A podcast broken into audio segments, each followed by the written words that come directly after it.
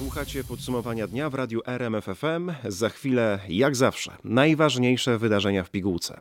Za nami drugi dzień lutego. Hasłem na dzisiaj będzie więcej amerykańskich żołnierzy w Europie, czyli jasny sygnał dla Putina. Michał Gardias, dobry wieczór i zapraszam. Na początek najistotniejszy temat ostatnich tygodni, czyli konflikt na linii Kijów-Moskwa. Zgodnie z zapowiedziami, 1700 dodatkowych żołnierzy USA zostanie przeniesionych do Polski, napisał wieczorem na Twitterze szef Ministerstwa Obrony Narodowej Mariusz Błaszczak. To mocny sygnał solidarności w odpowiedzi na sytuację na Ukrainie, oświadczył minister. Do Polski trafią żołnierze 82. Dywizji Powietrzno-Desantowej stacjonujący w Fort Bragg. No właśnie, kiedy te wojska zostaną wysłane do naszego kraju? Posłuchajcie, co ustalił nasz amerykański korespondent Paweł Żuchowski. Wydarzy się to w najbliższych dniach. Oni byli w gotowości od blisko dwóch tygodni, a więc to tylko kwestia czasu. Rozlokowanie ich będzie mieć charakter tymczasowy. Podsumujmy. 2000 żołnierzy z USA poleci do Europy, konkretnie 1700 żołnierzy do Polski, pozostali do Niemiec, 1000 przemieszczonych zostanie z Niemiec do Rumunii, mówił podczas konferencji prasowej w Pentagonie John Kirby, właśnie rzecznik Departamentu Obrony USA. 8,5 tysiąca żołnierzy żołnierzy, to ważne, pozostaje w gotowości, mogą w każdej chwili zostać wysłani na wschodnią flankę NATO. I czas na Kijów, gdzie jest nasz specjalny wysłannik Mateusz Chłystun. Jak na Ukrainie komentowane są decyzje Pentagonu? Według jednego z moich rozmówców to zdecydowany sygnał, że Stany traktują tę sytuację poważnie. Widzimy przynajmniej gotowość ze strony Zachodu, by bronić chociaż siebie, a moim zdaniem od takiej konieczności jesteśmy bardzo blisko. Na przykładzie Wielkiej Brytanii, Polski, Stanów widzimy zrozumienie, że wspierając i broniąc Ukrainy bronią też siebie. Mówi mi Sergii Taran z Międzynarodowego Instytutu Republikańskiego. Wysłana do Europy grupa to część z 8,5 tysiąca żołnierzy, którym Pentagon rozkazał być w gotowości w związku z sytuacją w Europie. Wśród nich są grupy bojowe, rozpoznawcze oraz personel logistyczny, medyczny, a także wywiad. Rzecznik Pentagonu podkreślił jednak, że nie będą działać na Ukrainie, a jedynie w krajach, gdzie już stacjonują amerykańscy żołnierze. Z Kijowa Mateusz Chłystun. Teraz inne komentarze, które również zebrał Mateusz Chłystun. Wróćmy do wydarzeń z wtorku, kiedy to Mateusz Morawiecki odwiedził Ukrainę i spotkał się m.in. ze swoim odpowiednikiem, a także prezydentem tego kraju. Jak tamtejsze media komentują wizytę Morawieckiego? Media, prawdę mówiąc, poświęcają jej niewiele miejsca. W niewielkiej rubryce biznesowej jednego z największych portali informacyjnych nad Dnieprem pojawił się krótki artykuł o tym, że premier Mateusz Morawiecki dyskutował z premierem i prezydentem Ukrainy o dywersyfikacji dostaw gazu dzięki polskiemu terminalowi LNG. Jeszcze wczoraj tutejsi komentatorzy dziwili się, że mimo wizyty szefów rządów Polski i Wielkiej Brytanii w Kijowie nie ogłoszono zapowiadanego wcześniej nowego sojuszu politycznego między Polską, Wielką Brytanią i Ukrainą. Prasa rozpisuje się za to o wizycie Borisa Johnsona i pomocy zaproponowanej przez Londyn. Londyn. Przypomnę, szef brytyjskiego rządu zapowiedział sankcje wobec Rosji, pieniądze na rozwój armii Ukrainy i walkę z korupcją. Z Kijowa Mateusz Chłystun. Ukraińcy są podzieleni, jeśli chodzi o ocenę ryzyka rosyjskiej interwencji. Jako realne zagrożenie oceniło obecną sytuację 45% badanych. 44% uważa, że interwencji w najbliższym czasie nie będzie. Temat rosyjskiego zagrożenia nadal dominuje na Ukrainie Jest szczególnie głośny pośród weteranów ukraińskiej armii. Kiedy byłem mały w czasach Związku Radzieckiego, żyła jeszcze moja prababcia, która powiedziała mi: Nie ufaj proszę Rosjanom, oni jeszcze przyjdą na nasze ziemię ze swoją wojną. Нашу землю зі своєю війною. To jak wy думаєте, To jak pan myśli, komu bardziej wierzę? Im czy osobie, która przeżyła dwie wojny? пройшла дві війни, Pyta retorycznie Oleksij Sokil, który przez kilka lat walczył w jednostkach specjalnych na Donbasie. To jasny sygnał dla Putina, że NATO jest w gotowości. Tak generał Jarosław Strużyk komentuje w RMFFM wysłanie przez USA dodatkowych żołnierzy do Europy, w tym właśnie do Polski.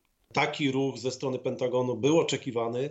E, Słyszeliśmy już o przygotowanych żołnierzach e, amerykańskich do przemieszczenia się do Europy, więc nie ma tutaj, e, powiedziałbym, wielkiego zaskoczenia. Natomiast oczywiście pokazuje to, tak jak mówię, że Amerykanie bardzo poważnie oceniają sytuację, oceniają ją jako rosnące zagrożenie ze strony Putina. Słyszymy deklarację Putina nawet na wczorajszej konferencji prasowej z premierem Węgier, więc jest to powiedziałbym, kolejny ruch amerykański mm, wskazujący na rosnące zagrożenie, ale jest jedno niebezpieczeństwo. E, Takie też ruchy, które są absolutnie, powiedziałbym, racjonalne z naszego punktu widzenia, Putin może przedstawiać znowu jako wzmacnianie e, czy też przygotowywanie się do jakiegoś ataku ze strony No NATO. właśnie, no właśnie, Więc- panie generale, bo to jest dokładne przeciwieństwo tego, czego Rosjanie w tych, y, w tym, nie wiem czy to nazywać ultimatum, ale w tych żądaniach, które przedstawili e, Zachodowi się domagali. Oni się domagali nie tylko tego, żeby Ukraina nigdy nie została członkiem NATO, ale również wycofania całkowitego amerykańskich żołnierzy z krajów takich jak Polska. No jeżeli e, dzieje się coś zupełnie przeciwnego, no czy to nie stwarza jednak ryzyka dalszej eskalacji ze strony Rosji? No rzeczywiście, ze strony Rosji być może stwarza to ryzyko większej eskalacji, ale ta eskalacja i tak następuje, więc widzimy, powiedziałbym, brak racjonalnego zachowania ze strony Putina, e, jego eskalację żądań, a przede wszystkim wczorajsza konferencja prasowa z premierem Orbanem pokazała e, również działania Putina na rzecz rozbicia NATO, więc e, Put- Orban niestety jest tutaj po, po raz kolejny pomocnikiem Putina, bardzo Mi przykro również, że spotyka się Orban również e, z premierem Morawieckim, a następnego dnia jedzie do Moskwy niejako zdawać relacje z tych spotkań, e, które odbywały się również w Madrycie z panią niestety Marine Le Pen. Ale to znaczy, Więc że Putin ma swoich ludzi w Europie, którzy na, na jego rzecz działają i, i, i potem donoszą mu, co się dzieje po tej drugiej stronie? Można tak to odczytywać? No bo trochę to wynika z tego, co pan mówi. No niewątpliwie tak to wynika. W dyplomacji jest coś takiego, że po spotkaniach ważnych e, kolejne spotkania wynikają z tego e, właśnie e, meetingu, więc tutaj jeżeli po Madrycie, po innych spotkaniach e, premier Orban jedzie do Moskwy, staje ramię w ramię z Putinem, który ogłasza, że rozszerzenie NATO e, na wschód w 1999 roku o Polskę było błędem, e, jest skandalem, jest wielkim skandalem, bo premier Orban, jako jeszcze premier poprzednio, w 1999 roku w marcu stał w Brukseli obok premiera Buzka w czasie pierwszej fali rozszerzenia NATO, w czasie podnoszenia flag państwowych nowych członków, trzech nowych członków. No to jak NATO. na to powinno zareagować na takie słowa Wiktora Orbana? E, No to jest trudność na to, że jednak oczywiście wymaga spójności, wymaga powiedziałbym zgody wszystkich e, państw. Więc, ale powiedziałbym w ten sposób, e, Orban rozbijał w jakim stopniu Unię Europejską, teraz stara się rozbić NATO. Ale NATO powinno reagować również słowami sekretarza generalnego Stoltenberga, zdecydowanie zareagować na takie, powiedziałbym, słowa Putina. Ale oczywiście nie ma tutaj procedur na, nie wiem, w jakim stopniu karanie, czy też mówienie, że Węgry e, działają źle. No to jest jednak problem NATO, którym zakładamy, że wszyscy członkowie chcą jego dobra, no ale jednak przy takiej dużej liczbie członków e, czasami, jak widzimy, jest to trudne. Panie generale, wróćmy jeszcze do tych żołnierzy, którzy będą, e, niedługo znajdą się w Polsce. Generał Jarosław Stróżyk jest dzisiaj moim i Państwa gościem, przypomnę. E, Mamy taką informację, że te 1700 osób przyjedzie do Polski, kolejne 300 do Niemiec, te 1000 zostanie przesuniętych do Rumunii, ale jest też taka informacja, 8,5 tysiąca cały czas pozostaje w gotowości. To jest kolejna, kolejna siła, która może do Europy zostać przesunięta. Czy to by oznaczało, że no, takich decyzji będziemy się spodziewać w najbliższym czasie? Że te, ci kolejni żołnierze zostaną przesunięci do naszego kraju? E, Wszystko jest możliwe. Ci żołnierze mogą być przesłani również, czy też przemieszczeni do e, Litwy, Łotwy i Estonii. E, To dobre ruchy. Też pokazuje, jak bardzo istotna jest obecność żołnierzy amerykańskich w Niemczech, czyli takiego zaplecza logistycznego. To, co chciał zlikwidować prezydent Trump, nie udało mu się i ci żołnierze dzisiaj z Niemiec przemieszczani są do Rumunii.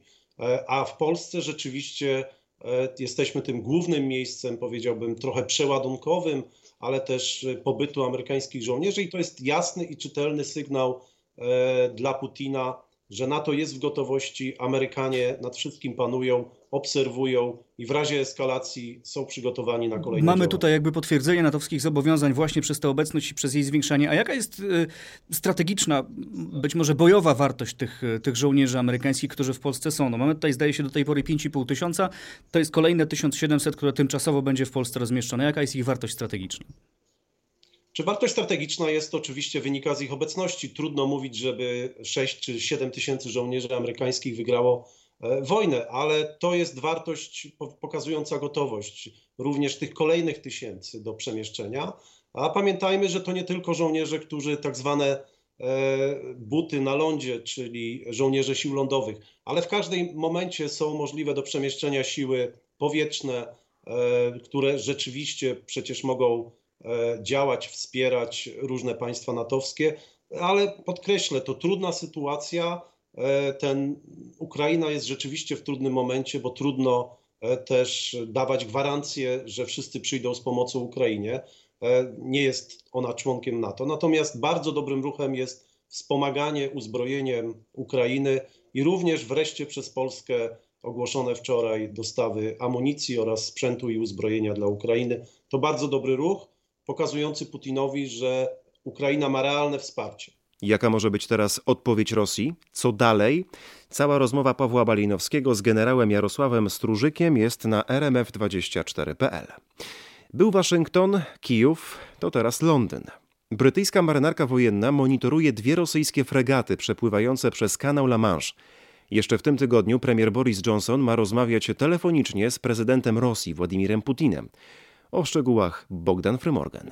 Rosyjskie jednostki często przepływają przez kanał La Manche. Te dwie przed tygodniem opuściły port w Kaliningradzie, udając się na manewry. Początkowo ich rejs monitorowała francuska marynarka, teraz ten obowiązek przypadł Brytyjczykom.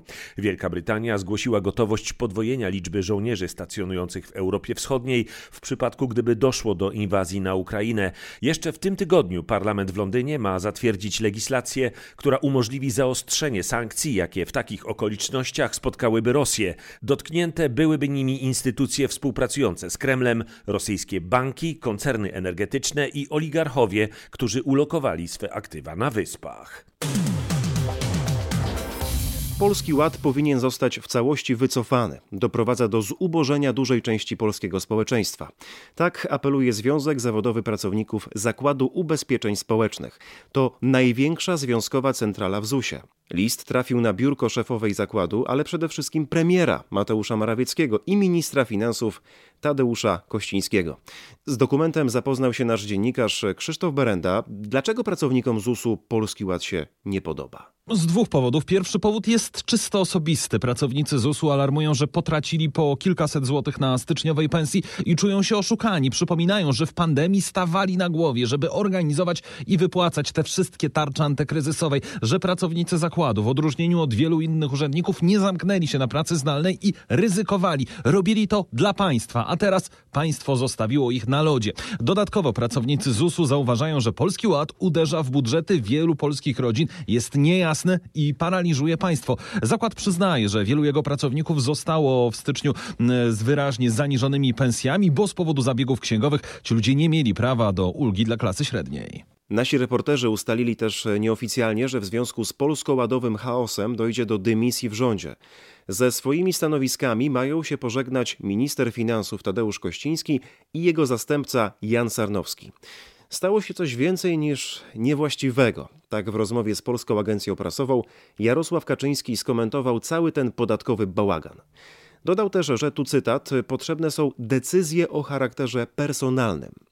Kiedy w resorcie finansów będą dymisje? Jak ustaliliśmy, to jest perspektywa kilkunastu dni, góra kilku tygodni. Faktyczna decyzja, jak mówią nam nieoficjalnie współpracownicy premiera, już zapadła i stało się to podczas ostatniej narady władz Prawa i Sprawiedliwości. Nim jednak te dymisje formalnie nastąpią, to winowajcy mają po prostu naprawić to, co zepsuli, czyli mają przygotować ustawę wprowadzającą w polski ład serię ład, łatających wszelkie dziury. Nie ma jeszcze decyzji, kto zostanie nowym ministrem finansów. Jak słyszymy, raczej to nie będzie nowy wiceszef tego resortu resortu Artur, Artur Soboń, e, który półtora tygodnia temu został skierowany do koordynowania naprawy tego podatkowego chaosu. A informacje o tym chaosie porządkował Krzysztof Berenda. Teraz e, kolejna istotna sprawa dotycząca naszych e, finansów. Jeśli masz dziecko ośmioletnie lub młodsze, to szef nie będzie mógł ci narzucić pracy w nadgodzinach. Taki zapis znajduje się w szykowanym przez rząd projekcie nowego kodeksu pracy. Wkrótce trafi on do Sejmu. Jak to się ma do obecnie obowiązujących przepisów? Dzisiaj kodeks pracy chroni w ten sposób rodziców dzieci jedynie czteroletnich i młodszych. Po zmianach te specjalne reguły obejmą także rodziców dzieci do ósmego roku życia. Gdy nowy kodeks wejdzie w życie, to szef nie będzie mógł takiemu rodzicowi ośmiolatka nakazać pracy w nadgodzinach, chyba że oczywiście rodzic się zgodzi. Nie będzie można także bez zgody pracownika nakazać mu przymusowej pracy w nocy oraz pracy przerywanej. Nie będzie można także przymusowo wysłać rodzica na delegację. Chodzi po prostu o to, żeby rodzice małych dzieci mogli swobodnie zajmować się pociechami i mogli planować swoje życie. Ta zmiana wynika z wytycznych Unii Europejskiej. Skoro mówimy o pracy, o pieniądzach, to teraz o tym, o ile spadły ceny na stacjach benzynowych po tym, jak rząd wprowadził z początkiem lutego niższy VAT na paliwa. Zmiany są zauważalne, to średnio 50-60 groszy na litrze. Tak wynika z analiz ekspertów. Obniżka jest czasowa i potrwa do końca lipca. O tym, gdzie paliwo najbardziej potaniało, Maciej Sztykiel. Największe spadki cen oczywiście na pylonach narodowego koncernu naftowego, średnio ponad 70 groszy na litrze benzyny i oleju napędowego. Wprawdzie nie na wszystkich stacjach jeszcze dokonuje się to w jednym tempie. Niektóre stacje obniżają wolniej, inne szybciej, ale już mamy obniżkę o około 50-60 groszy na litrze, jeśli chodzi o benzynę i olej napędowy. Natomiast w przypadku autogazu zmiana wynosi około 25-30 groszy. Mówi dr Jakub Bogucki z epetrol.pl. Orlen będzie obniżał swoje ceny hurtowe, więc z opóźnieniem obniżki właśnie do poziomu 5,20 za litr benzyny powinny pojawić się na wszystkich stacjach paliw. Jednak perspektywa na rynku globalnym nie jest dobra. Baryłka ropy Brent kosztuje coraz więcej, jest najdroższa od 2014 roku, a więc po tych drastycznych spadkach cen paliw mogą powrócić solidne wzrosty. Prawo i Sprawiedliwość nie będzie więcej składało kolejnych ustaw dotyczących walki z pandemią. Po wczorajszej porażce i odrzuceniu projektu o testowaniu pracowników, Zjednoczona Prawica nie planuje kolejnych inicjatyw. Ale winę upatruje nie w różnicy zdań we własnych szeregach, a wśród polityków opozycji. Do końca pandemii nowych narzędzi walki z rozprzestrzenianiem się zakażeń już raczej nie będzie. Otwarcie mówił o tym dziś wicemarszałek Ryszard Terlecki. Przekonywał, że PiS nie zamierza ciągle walczyć z opozycją. Wczoraj wszystkie kluby opozycyjne nie chciały dalszych prac nad projektem o skarżeniu współpracowników za zakażenia w miejscu pracy. Te doświadczenia, które mamy, nie są najlepsze. Opozycja nie chce rozmawiać o ustawach antykowidowych, tylko chce je odrzucać, zanim w ogóle zaczną być procedowane. Jednak wbrew temu, co mówił wicemarszałek Terlecki, do odrzucenia projektu doszło głównie z winy posłów Zjednoczonej Prawicy. W klubie PiSu niezgodnie z wolą prezesa Kaczyńskiego głosowało 77 parlamentarzystów. Opozycja zastanawia się, czy w tej sytuacji nie złożyć wniosku o odwołanie ministra zdrowia. Adam Niedzielski kilka tygodni temu sam sugerował swoją dymisję, jeśli Sejm nie uchwali ustawy dotyczącej walki z epidemią. To był Roch Kowalski i jego relacja prosto z sejmowego studia RMFFM. A skoro o pandemii mowa, to teraz e, codzienne dane. 56 051 nowych zakażonych, 318 kolejnych ofiar. W najnowszym raporcie Ministerstwa Zdrowia. Ważne pytanie brzmi: jaka jest sytuacja w szpitalach? Na oddziałach covidowych w całym kraju w sumie teraz ponad 16,5 tysiąca osób, czyli o ponad 200 pacjentów więcej niż wczoraj, gdy rozmawialiśmy o tej porze. Ten napływ pacjentów do szpitali też jest coraz większy, ale na szczęście nie bardzo, bardzo duży. Ważna kwestia to też liczba zajętych respiratorów. Jak tu wygląda sytuacja? I tutaj niespodzianka, miła niespodzianka, bo na szczęście za nami kolejna doba, gdy nie wzrosła liczba zajętych mhm. respiratorów i te dane to może być kolejny dowód. Na to liczę, na to liczą lekarze, że zakażenie wariantem Omikron tak statystycznie średnio daje jednak łagodniejsze objawy i wywołuje lżejszy przebieg. A jak wygląda mapa zakażeń? Gdzie tych nowych przypadków jest najwięcej? Dwa województwa od wielu dni są na czele listy regionów z największą liczbą zakażeń i tak też jest dzisiaj. To województwo śląskie i mazowieckie. Śląsk na pierwszym miejscu pod względem liczby nowych przypadków. Tam wykryto prawie 8 tysięcy infekcji COVID-19. Na Mazowszu odnotowano ponad 7,5 tysiąca zakażeń. To był Michał Dobrołowicz i Tomasz Weryński w radiu RMF24. Ja dodam jeszcze, że wariant Omikron, o którym wspomniał Michał, odpowiada w Polsce za 3 czwarte wszystkich zakażeń. Zamykając temat zdrowia, teraz e, zweryfikujemy słowa premiera Mateusza Morawieckiego, który jakiś czas temu mówił tak. Od 27 stycznia darmowe testy antygenowe w każdej aptece. Takie zapowiedzi słyszeliśmy dwa tygodnie temu. Więc teraz szybka weryfikacja. Jak dzisiaj, tydzień od uruchomienia programu, wygląda powszechność testowania, o której mówił premier? Sprawdzał to Tomasz Skory. Wcale nie wygląda. W programie uczestniczy ledwo 212 z ponad 13 tysięcy, czyli 1,5% aptek w kraju. Na mapie Polski są rejony, z których dotarcie do najbliższej takiej placówki oznacza kilkudziesięciokilometrową podróż.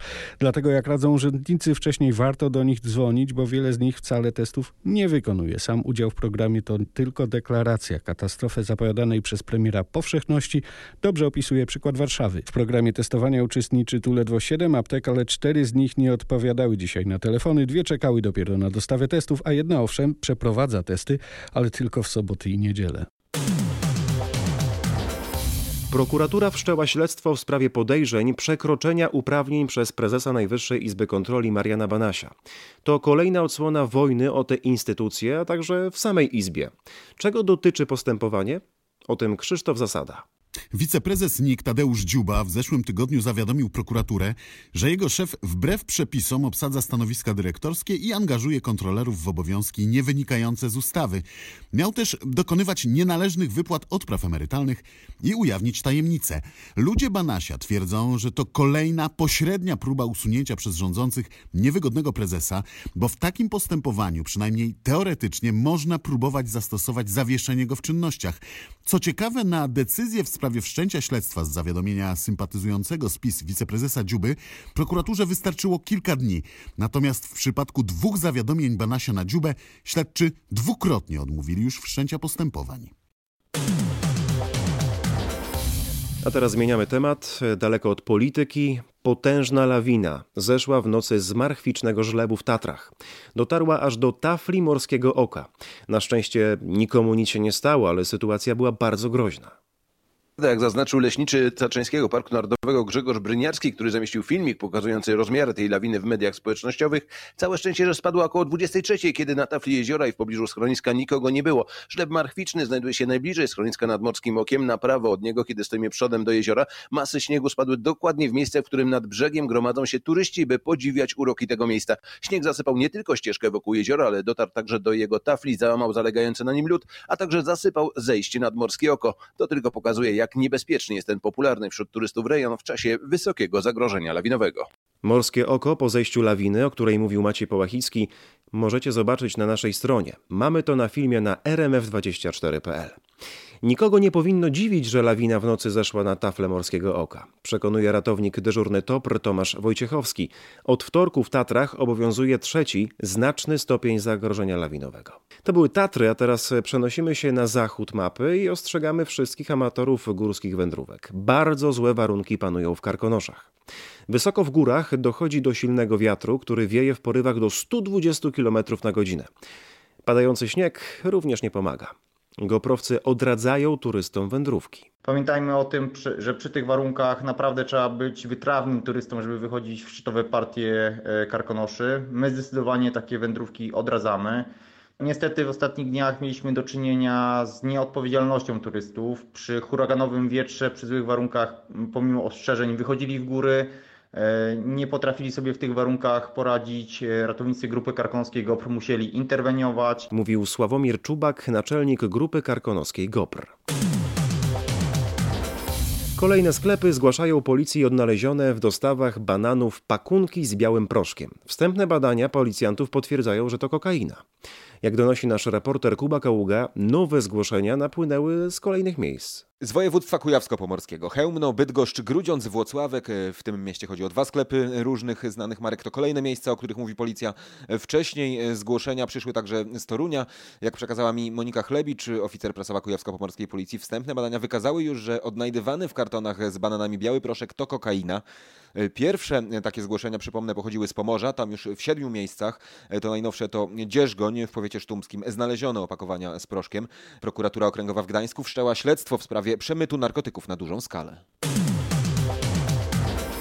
Za nami środa, drugi dzień lutego. W kościele katolickim święto ofiarowania pańskiego. W Polsce również zwane świętem Matki Boskiej Gromnicznej, od świec, które wierni przynoszą na liturgię. Uroczystość upamiętnia ofiarowanie Jezusa w świątyni jerozolimskiej. Kiedyś nasi rodzice, jak burze były, stawiali gromnice zapalone w okna, no ale pali się też w smutnych chwilach, jak ktoś umiera. Każde święto ma wymiar chrystologiczny, a więc jest to ofiarowanie pańskie.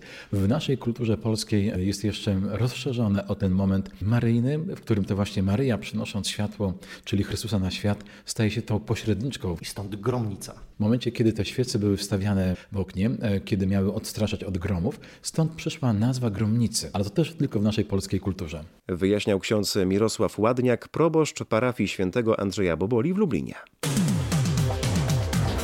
Wczoraj w podsumowaniu dnia mówiłem o powrocie Kevina Costnera do reżyserowania, teraz o innym powrocie. Chodzi o powrót do prac Stevena Spielberga przy nowej wersji filmu Kolor Purpury. I tym razem z fotela reżysera właśnie przesiada się na fotel producenta.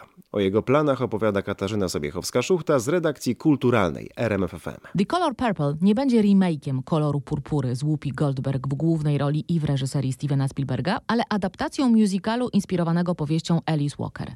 Kilkanaście lat temu na Broadwayu był on wielkim sukcesem i kasowym, i artystycznym. Nominowano go do aż 11 nagród Tony. Jak pisze magazyn Variety, Tara G.P. Henson zagra w tym filmie jazzową wokalistkę, która daje ukojenie głównej bohaterce. Dziewczynie napastowanej przez własnego ojca, potem maltretowanej przez własnego męża i traktowanej jak tanią siłę roboczą. Premiera w grudniu przyszłego roku. A premiera kolejnego podsumowania dnia już jutro o tej samej porze. Bardzo dziękuję za uwagę. Michał Gardias, kłaniam się i do usłyszenia.